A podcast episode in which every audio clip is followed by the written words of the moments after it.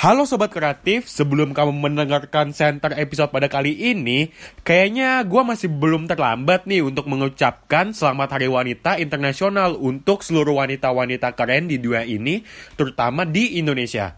Hmm, tapi sayangnya masih banyak banget nih Sobat Kreatif berstigma-stigma negatif tentang perbedaan derajat atau kedudukan gender. Nah, buat lo yang mau menyuarakan pendapat tentang gender equality, bisa banget nih ikut lomba podcast dari Opte Radio, yaitu Loop. Pendaftarannya dibuka pada tanggal 13 sampai 17 Maret dan pengumpulan karyanya pada tanggal 18 sampai 22 Maret. Tuh, tunggu apa lagi nih sobat kreatif? Kapan lagi bisa menyuarakan pendapat dan dapat hadiah juga? Biaya registrasinya cuma 20 ribu loh. Nah, tunggu apa lagi nih Sobat Kreatif? Langsung saja didaftarkan ya ya guys ya.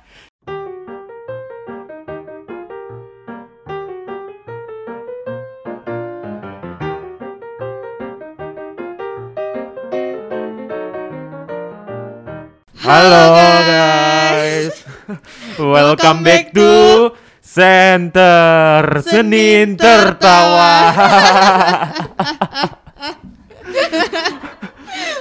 Jadi peng sebenarnya nih kita eh, nggak lengkap ya personil kita ya. Kok nggak lengkap?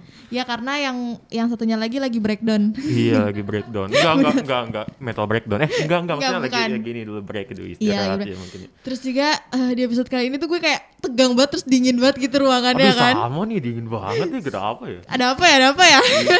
Ya di sini kan ada AC gitu. Iya benar-benar di sini Gitu ada ya. AC dan juga di sini udah ada bintang tamu kita yaitu Bang Richard. Richard. Kembali dong. Halo Bang. Halo semua. Halo. Kita manggilnya sobat kreatif. Kita Oh sobat Iya. ya. Halo kreatif. sobat kreatif semua yang ada di Polimedia. Iya, dan Iya. di luar Polimedia Dan di mana pun para berada pendengar. gitu. Iya benar, benar banget. Boleh dong Bang Richard kenalin dulu siapa sih sebenarnya Bang Richard? Kalau kita sebenarnya udah tahu. Iya saya udah Ah. tahu. Terus penggemar The Jack juga pasti udah tahu sih Bang Richard ya. Jadi siapa sih nggak tahu Bang Richard Iya, siapa kan gitu. Mungkin Bang Richard bisa kenalin diri gitu ke sobat kreatif gitu kan biar kenal gitu. Kan kata pepatah bilang itu tak kenal maka tak aruf. Eh bukan maksudnya tak sayang gitu ya. Aduh, apa disalah tuh aduh gitu. Oke, Ya, boleh. eh, halo sobat eh, kreatif. Eh, gua Richard Ahmad Suprianto. Jadi eh, aktivitasnya ya ngurus olahraga, ngurus organisasi, ngajar dan ada berapa hal lah di belakang itu semua gitu. Bang Richard kan yang kita tahu sebagai mantan ketua umum The Jackmania ya. Ah, Nah, itu tuh tahun berapa ya kalau Tahun berapa tahu? dan kok Buat bisa aku sih yang jadi belum tahu. Iya, Kok bisa sih jadi ketua umum dari The Jackmania itu sih? Jadi kalau ngomongin eh, bola awalnya abis turnamen bola nih di kampus waktu itu ya. iseng ceritanya. Eh kita nonton bola aja ya kayaknya Persija lagi main kira kita awalnya. Akhirnya kita nonton lah bertiga berempat gitu. Oh kayaknya seru nih kalau kita rame-rame gitu kan. Dari situ eh, gua itu ndiriin Korwil Korwil J kampus pertama di eh, S1 gua karena di UBK kan. Dari situ eh, ya udah eh, jadi Korwil. Jadi di, di Jackmania itu gue kayak model berkarir karena gue dari Korwil setahun terus eh, ternyata Jackmania perlu apa namanya pembenahan secara inter- internal di organisasi naiklah gue diangkat jadi eh, Balitbang Badan Penelitian dan Pengembangan.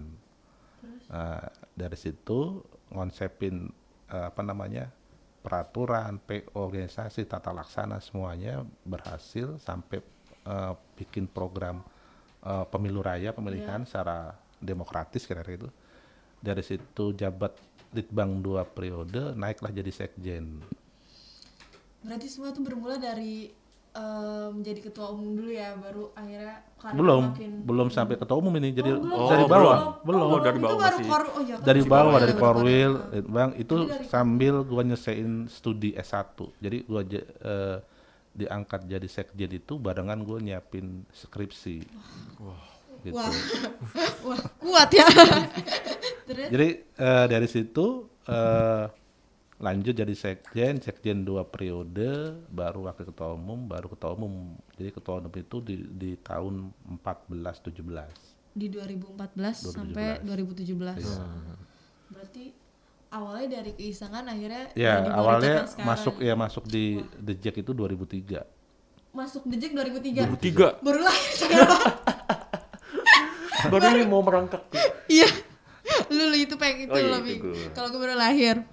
Terus Jadi Peng, dari dari proses itu ya sudah kita belajar eh, apa namanya semua cepat gitu kan, Eh, baru bisa apa namanya masuk ke eh, secara keseluruhan maksudnya ngomongin soal sepak bola secara keseluruhan, ngomongin soal apa namanya strategi dan sebagainya lah. Kira-kira eh, kadang dianggapan teman-teman media olahraga pada pada di lu- teman-teman tuh dianggap gue punya style apa namanya ya bisa menganalisa eh, apa namanya pertandingan, bisa memberikan masukan beberapa item lah kira-kira gitu.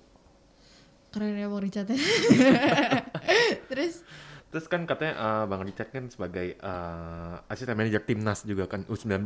Pernah Pernah. Pernah. Itu tahun berapa tuh? Eh, AFF Myanmar AFF Myanmar. 2000 eh zamannya Indra Safri itu tahun apa ya? Kalau nggak 17, 18 lah gue lupa. Oh iya. iya, iya.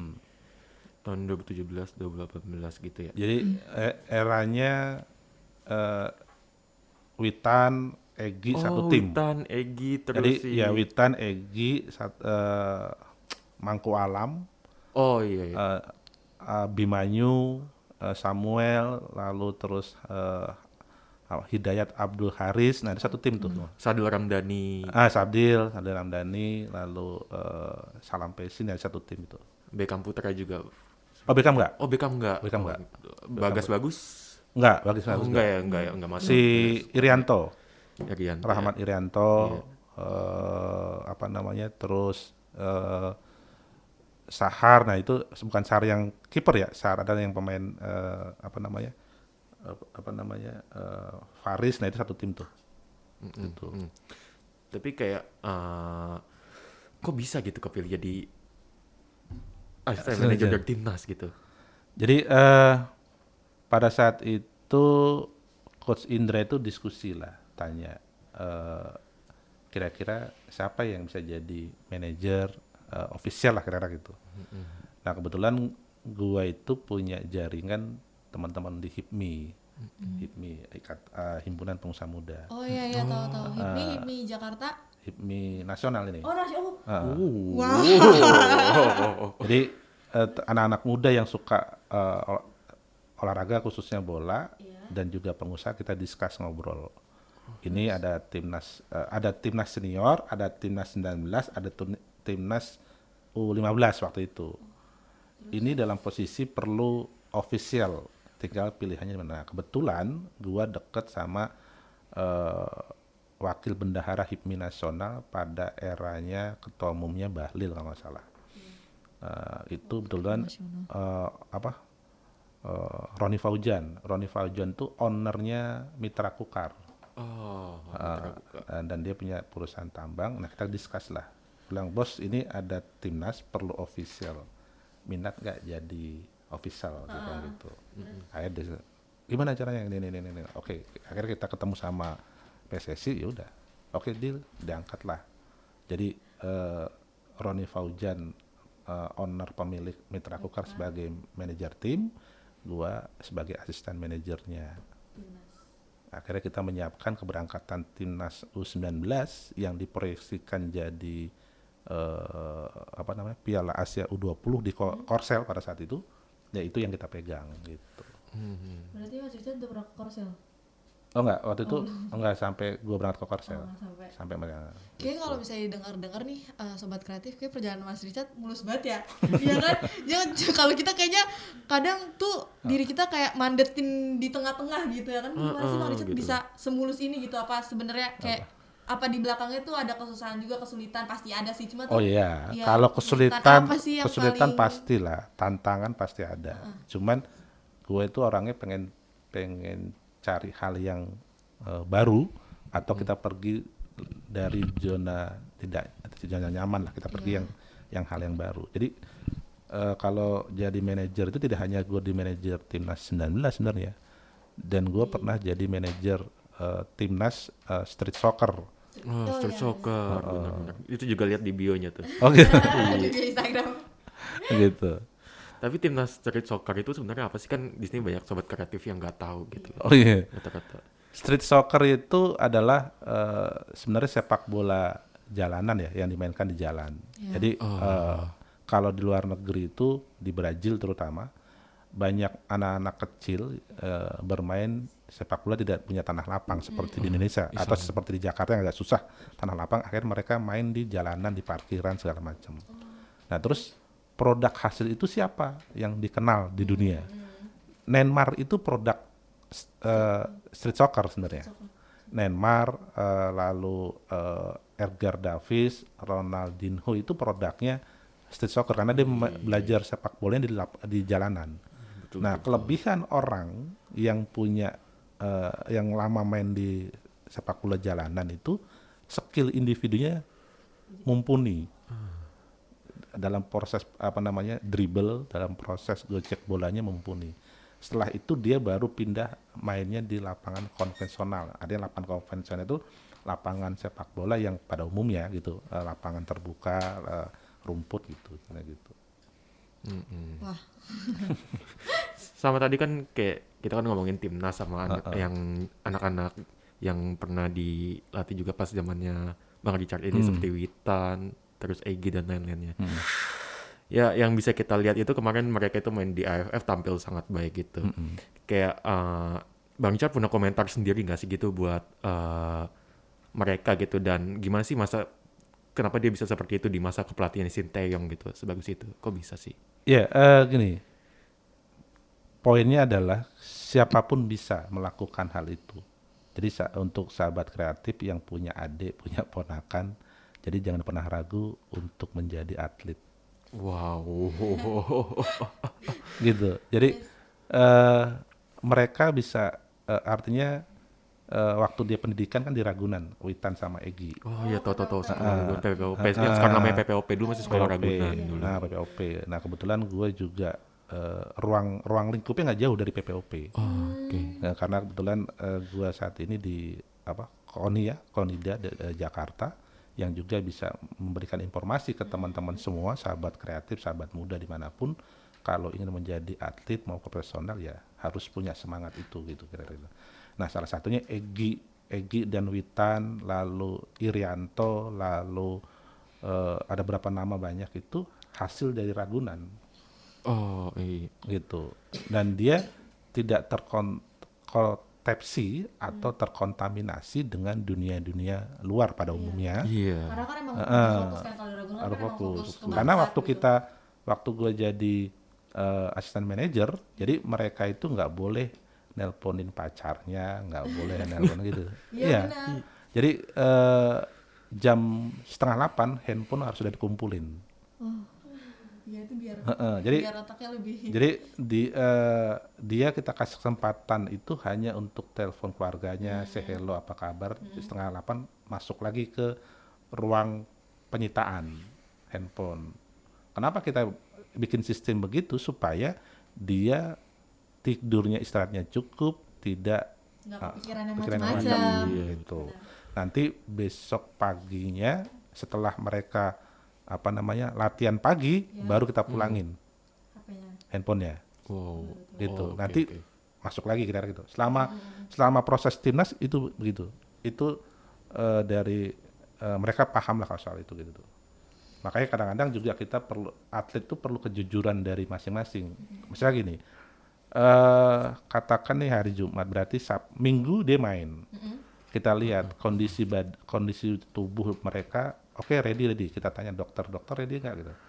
Ada juga terkadang karena dia masuk starting eleven eh, akan diturunkan hari Minggu, dia nggak ada juga yang pengen tetap main, tapi kondisi badannya tidak menyesuaikan. Kenapa? Misalnya flu gitu ya, flu kayak sekarang eh, banyak eh, apa nah, lagi flu gini, dia harus ngomong karena itu mempengaruhi fisiknya dia. Jadi ada saat sekarang dia main di eh Araimi kalau nggak salah.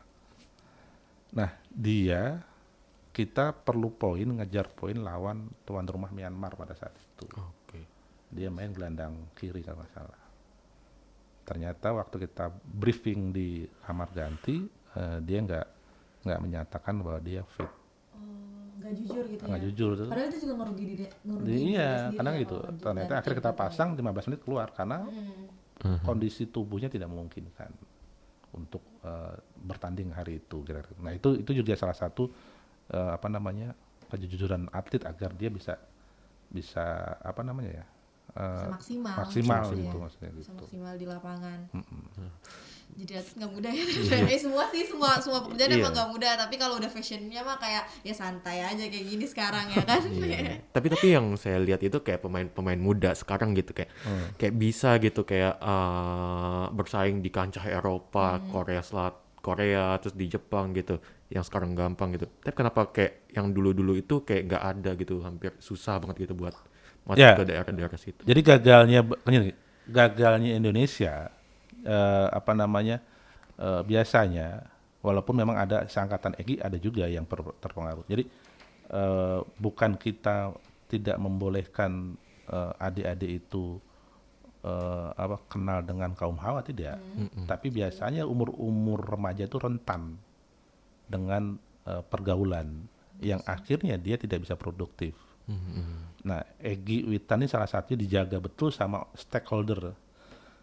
stakeholder dalam pengertian ada Indra Safri, ada penemu bakatnya waktu pertama, ada kita-kita yang jagain dari jauh supaya dia tetap produktif, tetap fokus pada tujuannya. Jadinya eh, tidak serta merta juga dia bisa pindah ke luar negeri. Jadi si pemain misalnya gua pemain, gua harus masuk dulu di klub di sini. Nah, klub di sini ini baru bisa mentransfer kita ke luar negeri karena aturannya mainnya begitu. Nah, berarti diperlukan agen, agen ini jadi penghubung dan sebagainya kira-kira itu. Nah, tinggal nanti pembicaranya antara eh, head to head dengan agen dengan juga si pemain misalnya gitu. Tapi biasanya ada standar standar VOG-nya, standar ininya dia punya gitu. Mhm. Tapi kayak ini balik lagi ke sepak bola. Ini Hmm. kita ke main ke Eropa ya. Kira-kira Mas Risa gini punya idola tersendiri gak sih gitu dari eh, pemain bola gitu, idola gitu? Gua itu sebenarnya nggak punya pemain idola, Nggak punya gitu. nggak punya. Tapi kalau misal tim gitu ada nggak gitu?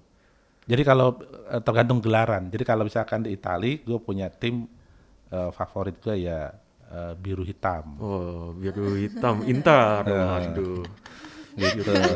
Kalau di Liga Inggris ya? Liga Inggris sebenarnya gue kalau bicara favorit sebenarnya eh, apa namanya eh, burung ya gitu. Jadi Liverpool itu karena kenapa gue eh, suka sama Liverpool karena Liverpool dibangun dari sebuah kesadaran masyarakat buruh di era pada saat itu karena eh, or- apa buruh-buruh industri perkapalan pada saat itu membuat sebuah klub itu kan gitu.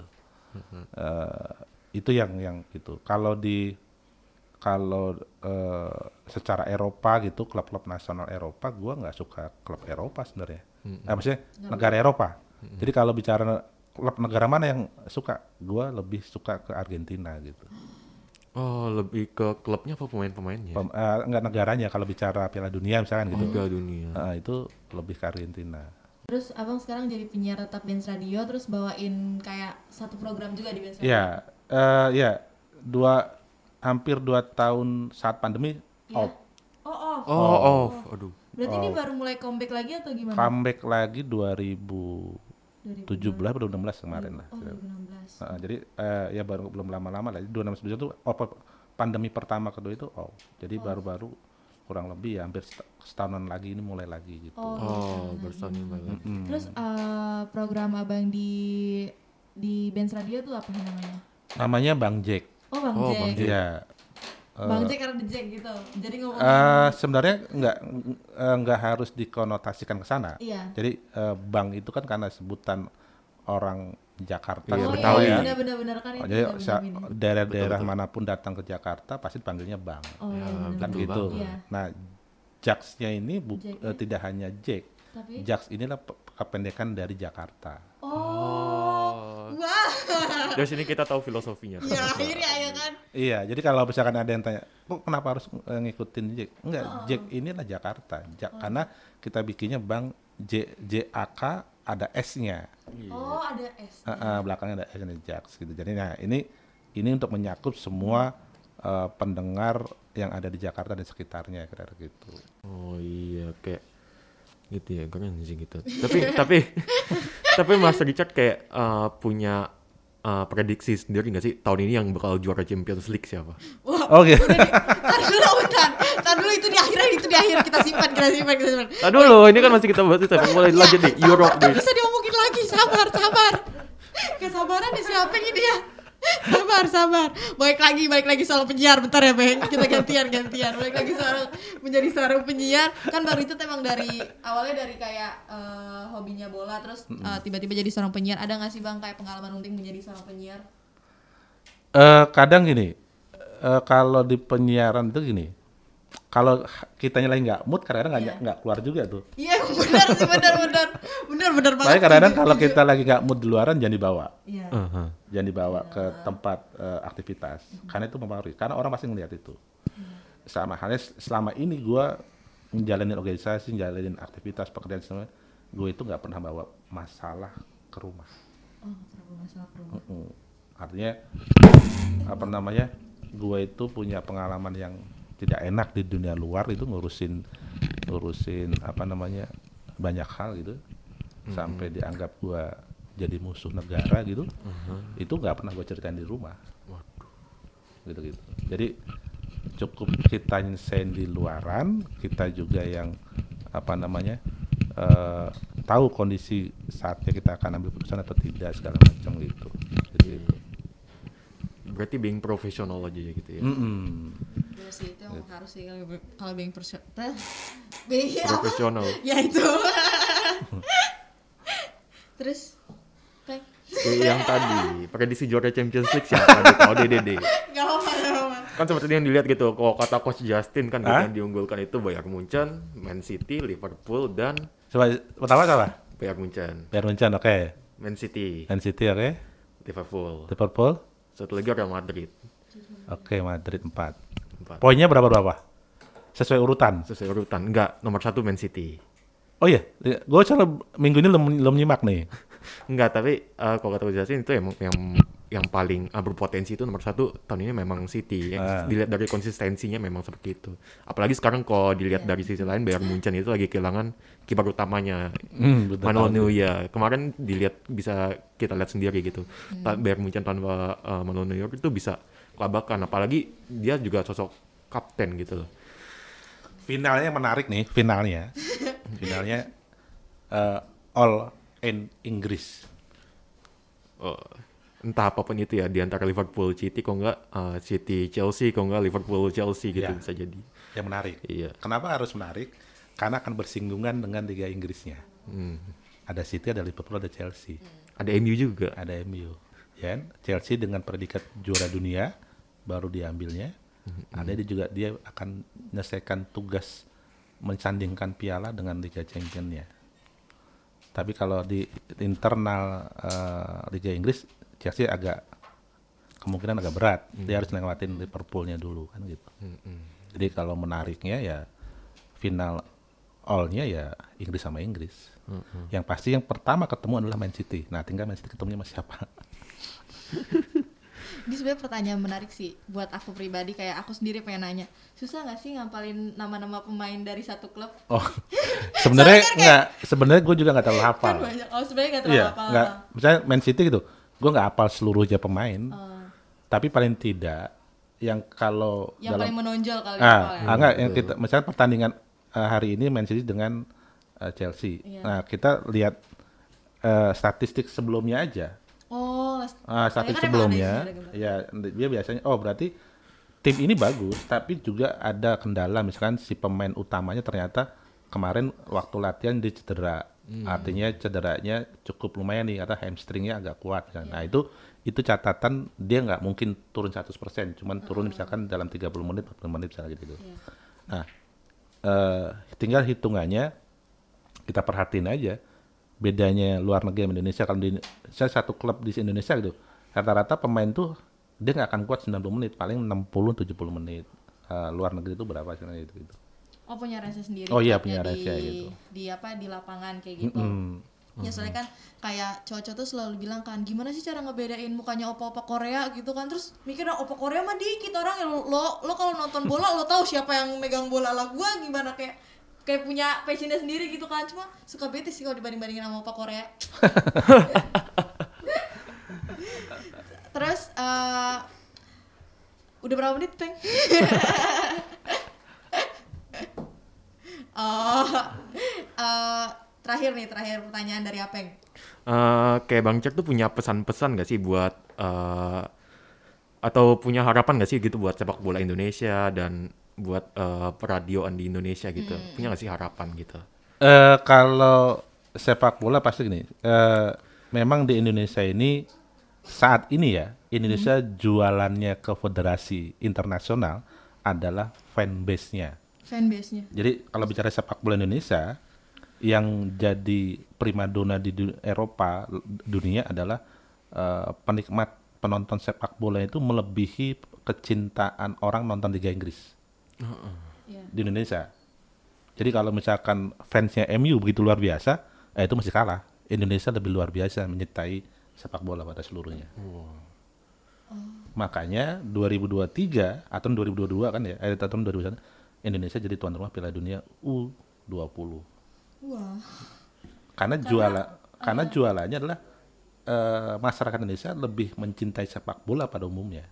Oh, berarti dilihat dari peminatnya ya justru Iya, ya. makanya targetnya Indonesia selain nanti Piala Dunia U20 eh, pilot projectnya Indonesia akan ngambil tuan rumah Piala Dunia yang senior kurang lebih 2045 kalau nggak salah gitu.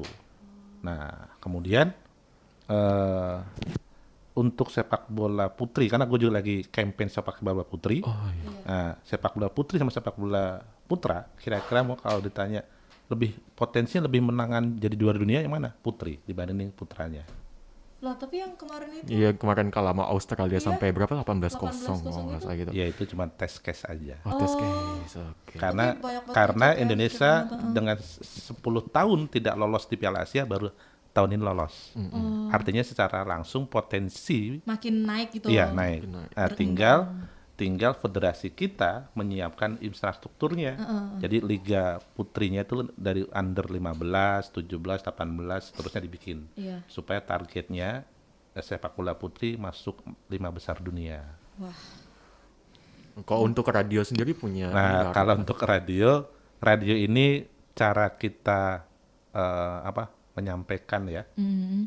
aktualisasi diri kita. Jadi anak-anak muda itu kalau ingin berkarir sebelum berkarir di visual, Iya. berkarirlah di eh, apa namanya radio. Jadi radio itu bisa eh, be- tempat belajar kita mau jadi MC kondang secara umum atau MC MC atau moderator yang memang formal. Nah, belajar jadi radio. Iya sih. Makanya banyak eh, radio-radio bikin namanya anak radio. Hmm. Gitu. Kayaknya kalau kalau kita dengar eh, udah pasti Mas Richard eh, sangat senior ya dalam public speaking. Oh, Boleh dong kasih kerja ke kita yang masih pemula dan baru sebelum Iya mungkin ini kan sobat kreatif pengen belajar gitu. Oh Uh-uh. bisa sih public speaking bagus gitu. Kasih Iya. tips and triknya mungkin gitu Iya. bisa Mas Richard gitu. Sebenarnya gue juga nggak punya eh, sekolah public speaking nggak, Iya. tapi gue hanya modal nekat dan kemauan Hmm. dan belajar aja sebenarnya. Jadi belajarnya gini. Jadi pertama gue juga nggak bisa berani ngomong ke publik. Iya. Dulu waktu gue sekolah, gimana nih cara ngomong depan publik kira-kira gitu. Iya, ya. iya. Itu jadi pertama kali memberanikan diri adalah ikut ini audisi sama lomba-lomba puisi. Oh, Oh. oke. Iya. Heeh. Karena itu melatih secara personal. Iya. Kita baca puisi itu gimana nadanya, terus nervousnya gimana. Kalau kita pegang kertas masih gemeteran enggak kira-kira gitu kan. Nah, Benar. itu gue alamin. Itu proses-proses waktu sekolah gue nyoba jadi eh, ketua OSIS, ikutan gitu-gitu. Itu melatih mental juga kita. Dulu mah bener, maksudnya gue masih nervous, megang kertas pidato tuh gemeteran gitu. Banget, Itu banget ya sampai sekarang juga. gitu-gitu. Tapi emang harus ada. Tapi seumur model gue sekarang, kadang-kadang gue masih juga rasa itu. Kalau misalkan eh, gue itu pernah pidato ya di hadapan para perwira menengah Polda Metro dan Pangdam Jaya. Wah. Nah itu gue harus pidato. Dan itu formilnya lebih lebih formil. Nah itu kadang-kadang masih gue punya rasa nervous gitu itu ada. Ya rasa nervous emang kayak nggak bisa Heeh. dihilangin sih kayak Jadi, pasti ada gitu. Gimana? itu itu juga akan mengganggu kerileksan kita. Sebenarnya sih udah oh, oh, oke lah gampang lah kira-kira gitu. Iya oh ini di belakang. Tapi kadang-kadang yang sudah kita pikirkan lupa apa yang kita pengen sampaikan Iya. gitu makanya kadang-kadang gue pak kalau acara-acara formal formil gitu ya gue pakai note oh lima item satu dua tiga ini aja yang gue bicarain Iya, gitu iya, iya. Oh iya. gitu gitu Terakhir nih bang, terakhir banget nih sebelum kita mengakhiri podcast ini ada pertanyaan yang harus eh, bang Richard jawab, jawab cepat. oke Kita buka ready ready, siap siap siap siap siap siap. Apa yang apa yang bulan peng? Eh, radio atau bola? bola Bola. Wah. Nasi uduk atau nasi kuning? nasi uduk Nasi uduk. Bubur diaduk atau enggak? enggak Bukan, bukan psikopat berarti Bukan, bukan bu- psikopat. Eh, eh enak diaduk demi Enggak, Alex. enggak, enggak. Setuju, masa nggak diaduk kayak gitu? Nggak Enggak, diaduk, enggak, enggak. nggak enak Enggak, kali oke. gitu. Makasih buat sobat kreatif. Oke ya udah dah pokoknya. Yaudah deh, Makasih Daripada kita ribut-ribut deh ya gitu ya. Makasih tentunya buat Bang Richard yang udah Iya, nyempetin datang di podcast kita langsung ke Polmed lagi. Oh, iya langsung ke eh, studio gitu kan siar. Iya eh, nggak nyangka banget udah nemenin sobat kreatif Iya. setengah jam gitu sekitaran 30 menit ya gitu. Ya makanya lah. Eh, jadi kalau manfaatkan 30 waktu menit sebenarnya belum apa-apa ini Iya. Ya makanya manfaatin waktu kalian sebaik mungkin. Oh Iya. iya, uh, quotes of the day adalah bahagia tidak selalu hebat dalam segala hal. Cukup menemukan kesederhanaan dan mengucap syukur itu akan membuat kita bahagia. Ya, ya makasih banget buat sobat kreatif yang udah dengerin uh, center dari awal sampai sekarang ini gitu yang bisa ngundang uh, Bang Richard gitu ya. Ya buat sobat kreatif tetap stay safe, stay healthy, stay positive and stay happy. See you next week. Bye bye. Have a nice day all and God bless you.